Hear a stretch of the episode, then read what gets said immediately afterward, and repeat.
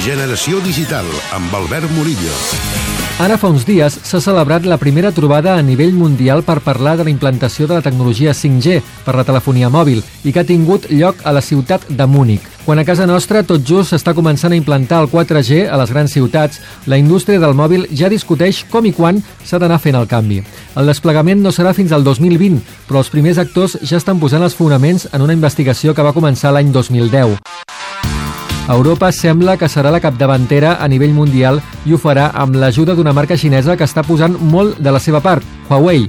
De fet, ha posat fins ara 600 milions de dòlars en investigació. Aquestes jornades, més enllà de l'evident diferència de velocitat, que diuen que tindrà màxims de 10 gigas per segon, s'ha explicat que la tecnologia 5G farà que les bateries dels nostres mòbils durin més, ja que els dispositius necessiten menys energia per la connexió, o que la implementació tècnica del canvi requerirà menys energia i més estalvi i, sobretot, que la senyal arribarà més fàcilment a més territori.